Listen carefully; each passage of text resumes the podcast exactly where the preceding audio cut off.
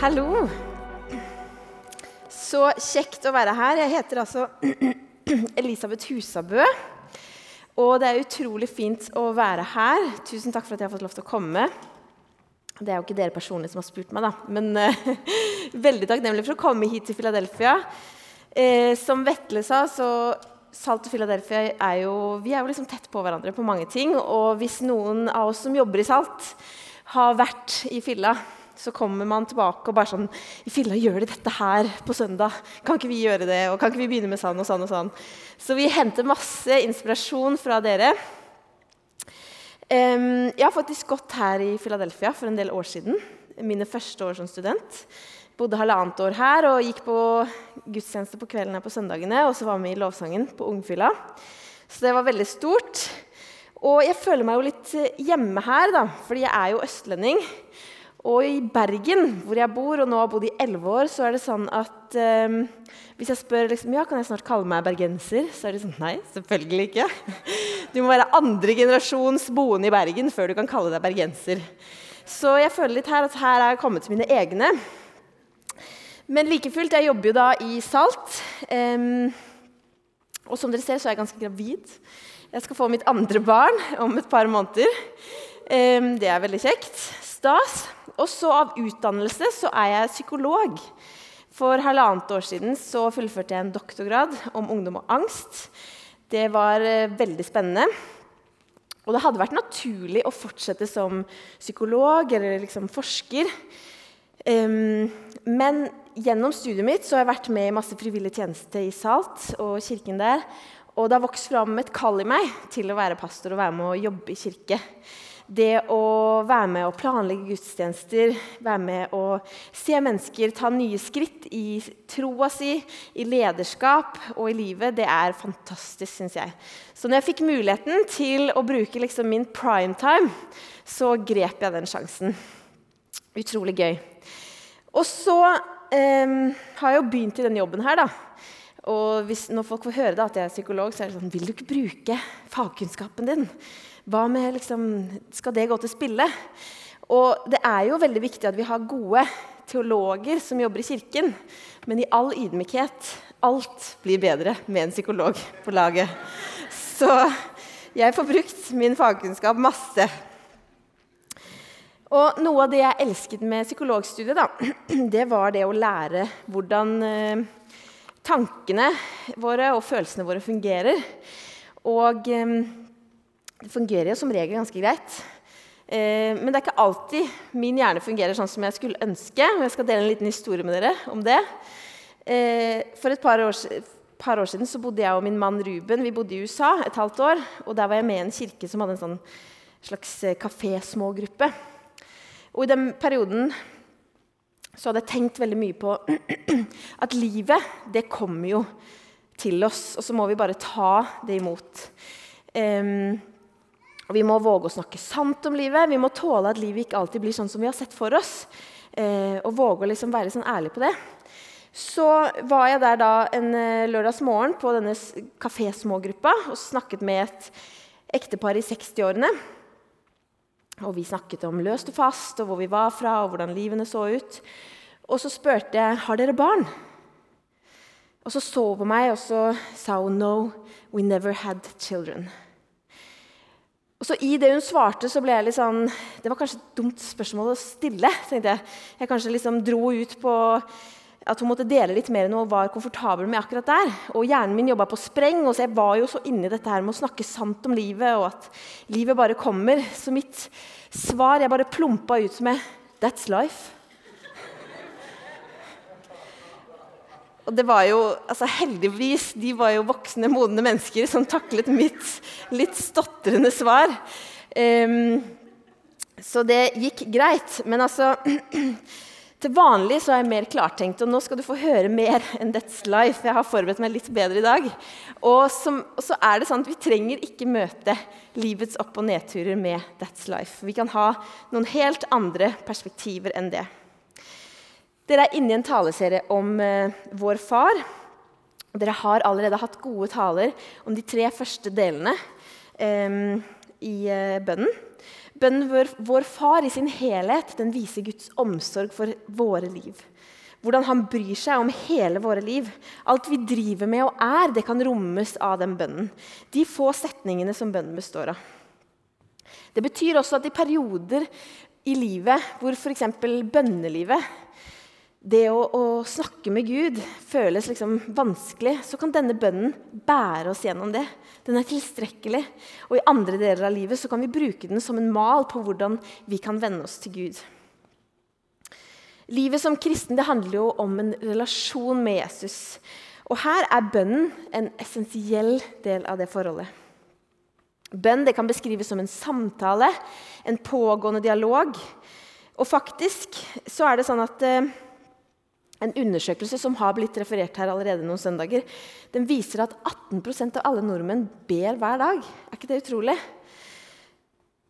Og den bønnen her, vår far, er det veldig mange, både med og uten tro, som har et forhold til. Jeg gikk på en kristen skole gjennom hele barndommen min, og da ba vi Fader vår, som vi kalte det, hver eneste dag på slutten av skoledagen. Og den er så liksom, innprenta i meg at det faller meg mye mer naturlig å si 'helliget vorde ditt navn' i begynnelsen av bønnen enn det som det er oversatt til nå. Fordi at det, den bønnen den har fått noen nye språklige vendinger og etter hvert som oversettelsene har gått sin gang. Men kjerneinnholdet det består. Det har samme betydning fortsatt. Jesus gir denne her bønnen vår far til oss i midten av bergprekenen som står i Matteus kapittel 5-7.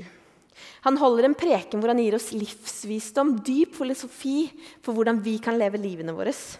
Og han gjennomgår et knippe viktige temaer, og så avslutter han det hele med å si at den som lytter til det han har sagt, og lever etter det, han eller hun bygger livet sitt på fast grunn. Det er altså viktige ting vi kan lytte til her. og Derfor bør vi våge å høre på hva Fader vår formidler til oss.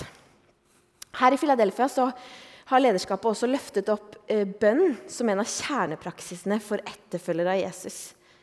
Og Det syns jeg er utrolig fint, for det er jo nettopp så viktig i vår relasjon med Jesus.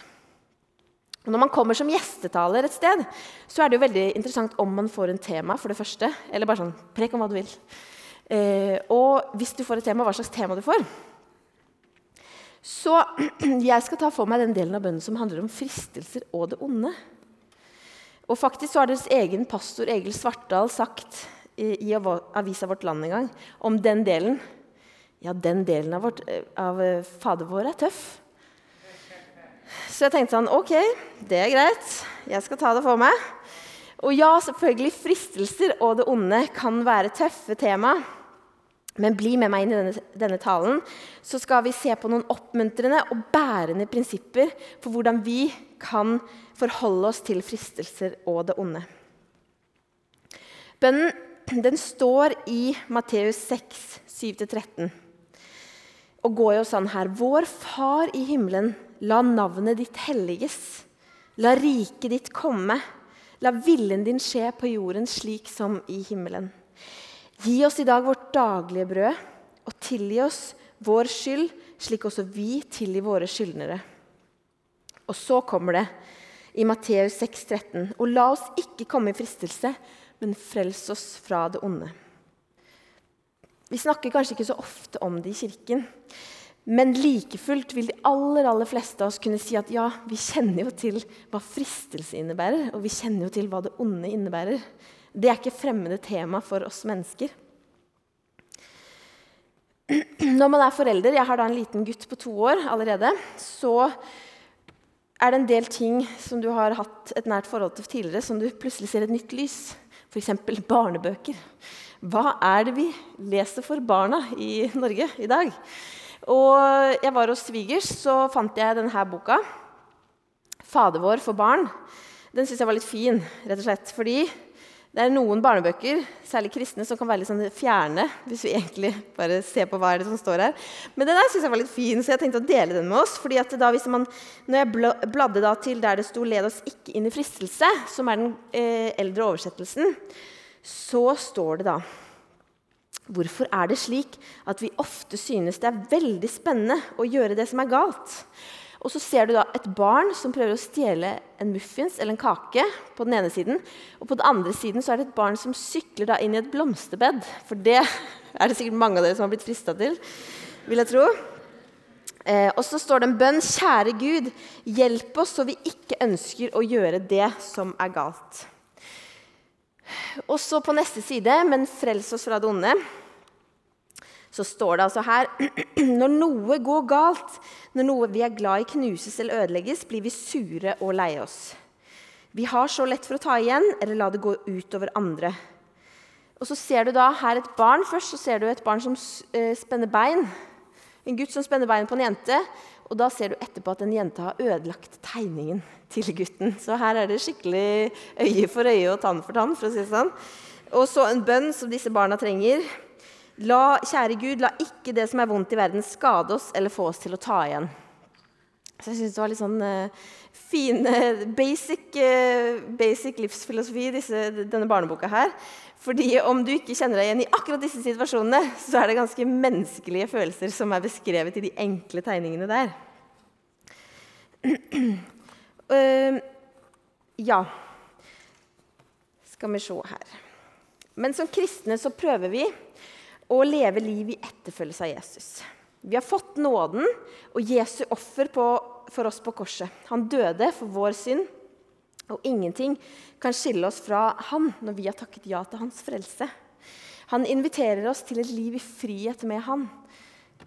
Og i Bibelen så maler han ut hvordan det livet kan se ut. Og noen ting kan være vanskeligere å leve etter enn andre. Det kristne verdensbildet det forteller oss at det er krefter som vil dra oss bort fra troen, som vil dra oss bort fra Jesus. Både noe i oss selv, som vi kaller kjøttet, i verden og den onde, altså djevelen. Hvordan forholder vi oss til det? Det er lett å snakke om fristelser i form av mat eller shopping eller tidsfordriv. Det er så fristende å se en episode til av favorittserien istedenfor det å liksom rydde kjøkkenet eller skrive den oppgaven eller dra på den joggeturen. Det er fristende å kjøpe de nye klærne istedenfor å spare de pengene som du egentlig hadde satt deg mål om. Men dette er trivielle ting som ikke nødvendigvis har så stor påvirkning på vårt åndelige liv. Men de ordene her i Vår Far de handler om vårt åndelige liv, vår relasjon med Jesus. Lever vi etter Hans ord? Eller dras vi vekk? Legger du merke til det som forsøker å dra deg vekk fra Han i din hverdag? Vi må være oppmerksomme på at det fins krefter, fristelser, i denne verden. Det er de tingene som kanskje føles bra her og nå, og som kanskje gir oss en skamfull bismak eller en utilfreds følelse etterpå. Det er mange steder det listes opp fristelser og synder i Bibelen.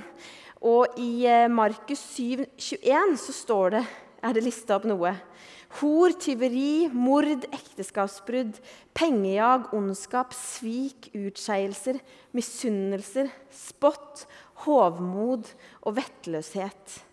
Ting vi mer eller mindre lett kan kjenne oss igjen i, og som kanskje avhengig av personligheten vår og historien vår vil friste oss i ulik grad.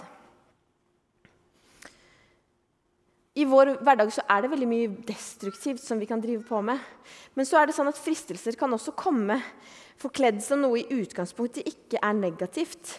Men de kan være tilsynelatende gode ting som drar vår oppmerksomhet vekk fra Jesus. Og det han har gjort for oss.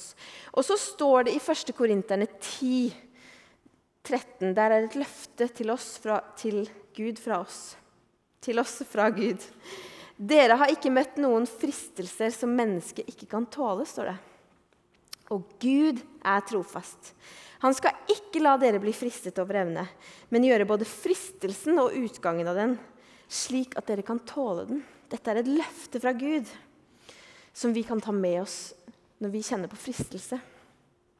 Og Fristelser det henger veldig tett sammen med det onde. Og Jesus han snakket om det onde. Ikke lenge før han skulle bli korsfesta, så ber han en bønn til Gud for oss. For Han ber for disiplene sine og alle dem som skulle komme til tro ved disiplene. Og det er jo inkludert oss som sitter her i dag. Her kan vi kjenne igjen bønnen om frelse fra det onde. I Johannes kapittel 17, vers 15-19 så står det Jeg ber ikke om at du skal ta dem ut av verden, men at du skal bevare dem fra det onde. De er ikke av verden, slik jeg ikke er av verden. Hellige dem i sannheten. Ditt ord er sannhet. Som du har sendt meg til verden, har jeg sendt dem til verden. Jeg helliger meg for dem, så også de skal helliges i sannheten. På de få versene her i denne bønnen som Jesus ber til Gud, så nevner han ordet 'verden' fem ganger.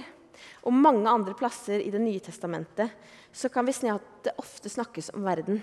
Og da handler det om det onde. For en generasjon eller to siden så var det i kristne sammenhenger mye meninger og snakk om hvordan, skulle, man, hvordan man ikke skulle oppføre seg som verden. Og da gjerne med et stort trykk på at man ikke måtte kle seg sann eller sånn. I noen miljøer så kunne ikke jenter, og i hvert fall ikke gutter, eh, pynte seg med øredobber eller smykker eller sminke. Man kunne ikke gå på kino, f.eks. Jeg husker godt at Mammaen min fortalte om da hun var i 7. klasse, så sneik hun seg ut på diskotek. Og mormoren min ble jo så fortvila, for det var jo det verste av verden som du kunne være borti. Går du enda en generasjon tilbake, så var det kanskje regna som synd å plystre eller klippe på søndag. Det virker helt absurd for oss i dag. Men det viser kanskje behovet for å sette et synlig skille mellom det som er av verden, og det som er kristelig. Hva som er innafor, og hva som er utafor. Det behovet ønsker at vi, det, det bunner i et behov for at vi liksom vil være på den sikre siden. Men hvis verden bare handler om hvordan vi oppfører oss, hvem som er innafor og utafor, så kan det bety veldig mye forskjellig, avhengig av hvilken generasjon du er født i, eller hvor og når du er født. Verden ser jo veldig forskjellig ut mellom to generasjoner. Så når Jesus bruker begrepet 'verden', så må det menes noe mer og noe større enn bare akkurat det vi ser rundt oss. Det må handle om noe mer enn bare måter å oppføre oss på. Det må menes noe dypere. Jeg tror det handler om tankesett og verdensbilder som blir til kulturer, og ja, som kan bli til oppførsel eller hvordan vi, hva, hvordan vi handler. Verden og det onde i bibelsk forstand det handler om tankesett som ikke er påvirka av Gud, men av det onde. Jesus han sier faktisk at denne verdens fyrste er den onde. Og de samme onde kreftene som utfordra Gud og skapte et skille mellom Gud og mennesker, de fortsetter å påvirke oss i dag. Vi skal jo ikke ta et veldig langt blikk utafor dette rommet for å se at det fins ondskap i verden.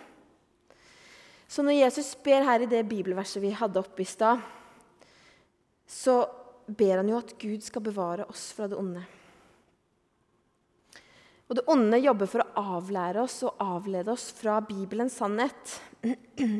Hvor mange av oss er det ikke som leter etter aksept gjennom å få bekreftelse på utseendet eller bli beundra? Hvor mange av oss mennesker er det ikke som fristes til å søke trygghet gjennom jobb eller utdannelse, gjennom penger og status? Hvor mange av oss er det ikke som vil prestere og yte for å få bekreftelse? Men Bibelen sier jo at det som før var en vinning for oss, det er ingenting imot det Gud har gitt oss. Hvor mange er det? Og så er det ikke som scroller gjennom sosiale medier og bare kjenner at vi blir tommere og tommere. For Bibelen sier jo at vi skal først søke Hans rike, og så skal vi få alt det andre i tillegg. For alle disse måtene som vi kan fristes på, og alle disse, disse onde tingene, det er verdens måte å gi, forsøke å gi oss aksept, betydning og trygghet på. Det er universelle, dype behov som vi mennesker har. Vi lengter etter å få de dekka. Og så får det mer eller mindre sunne utløp. Verden lover jo på en måte at de skal dekke disse behovene.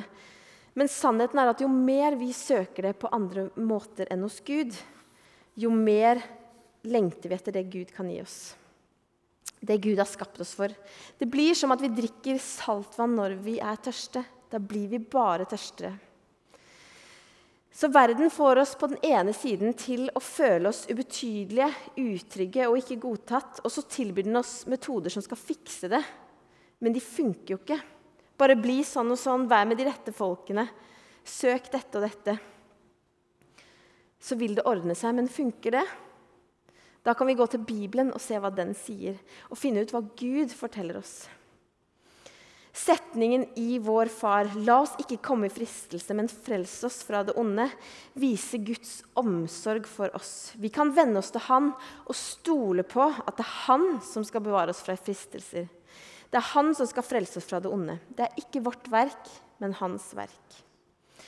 Og det tenker jeg er viktig, spesielt i møte med en av de, de onde tingene i vår hverdag som jeg tror vi møter veldig mye nå.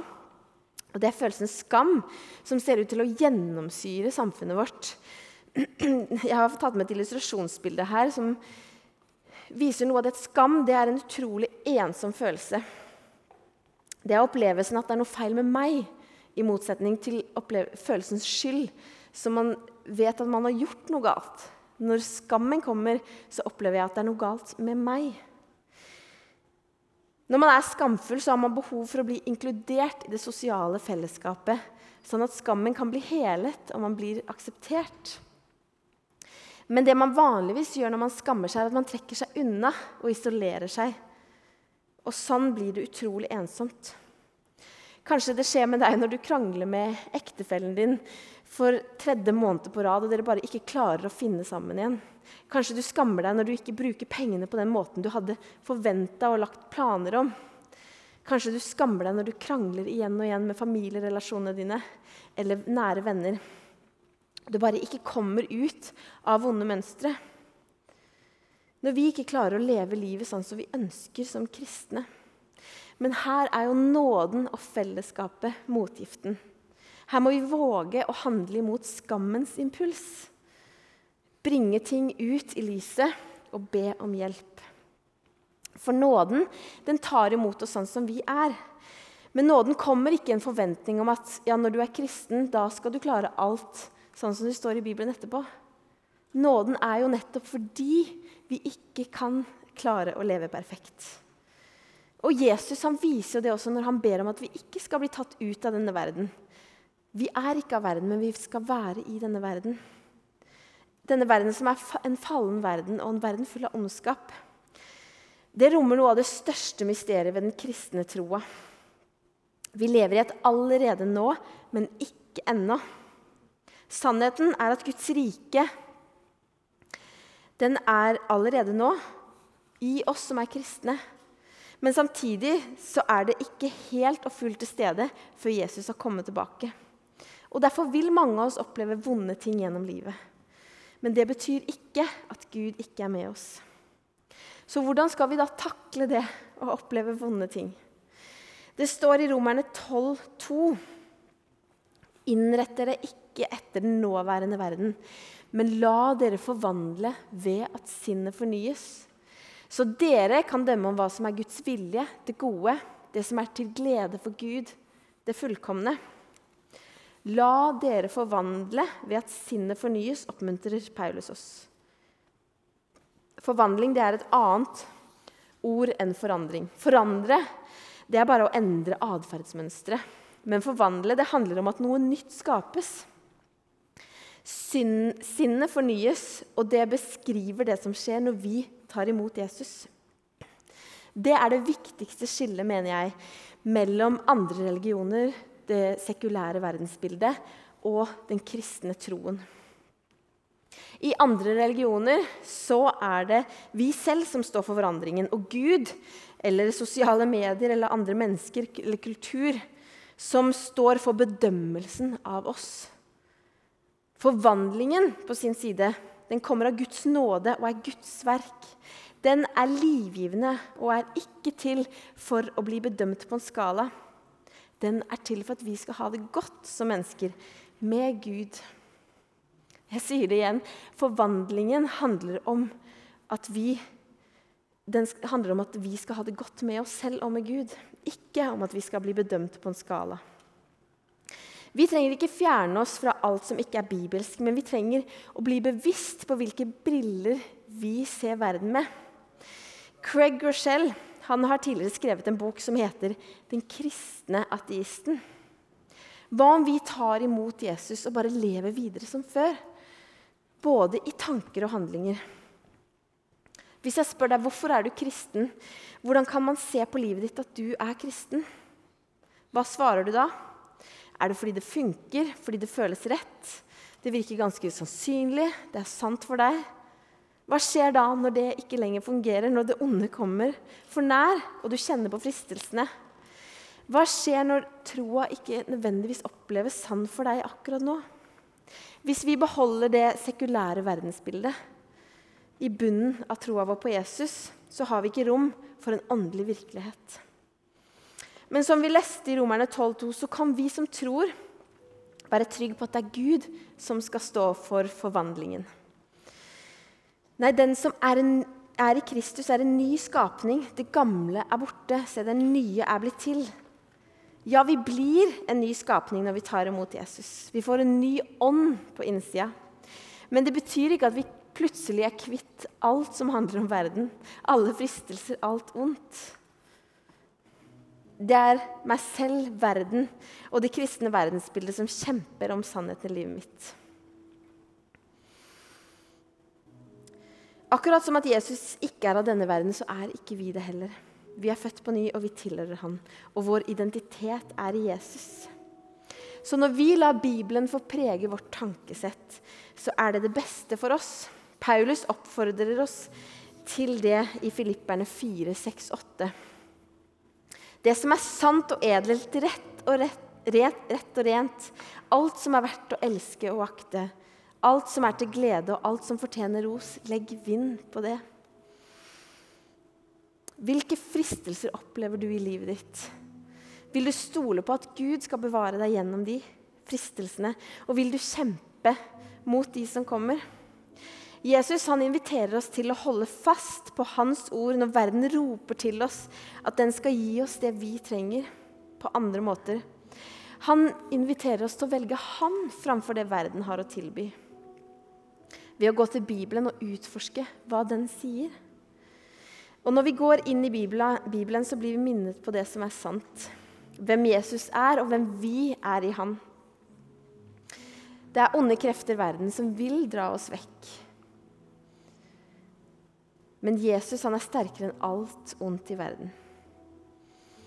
Etter setningen om fristelser og det onde i Vår Far, så, så ber vi for riket er ditt, makten og æren i evighet. Det kan vi holde fast på. Vi ber ikke til en maktesløs Gud, men til en allmektig Gud som vil svare oss, og som vi kan stole på. Så til slutt så har jeg lyst til at vi skal be Fader vår sammen. Kan vi ikke reise oss opp? Og så ber vi denne bønnen. Og etterpå så er du hjertelig velkommen til forbønn her på min venstre side. Du kan skrive bønnelapper som blir bedt for i tre uker, for en gave. Eller du kan tenne et lys hvis det er det du kjenner du vil gjøre. Så da ber vi sammen vår Far i himmelen.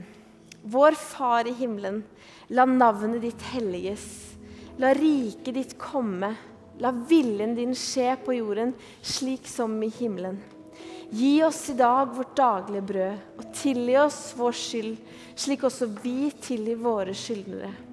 Og la oss ikke komme i fristelse, men frels oss fra det onde.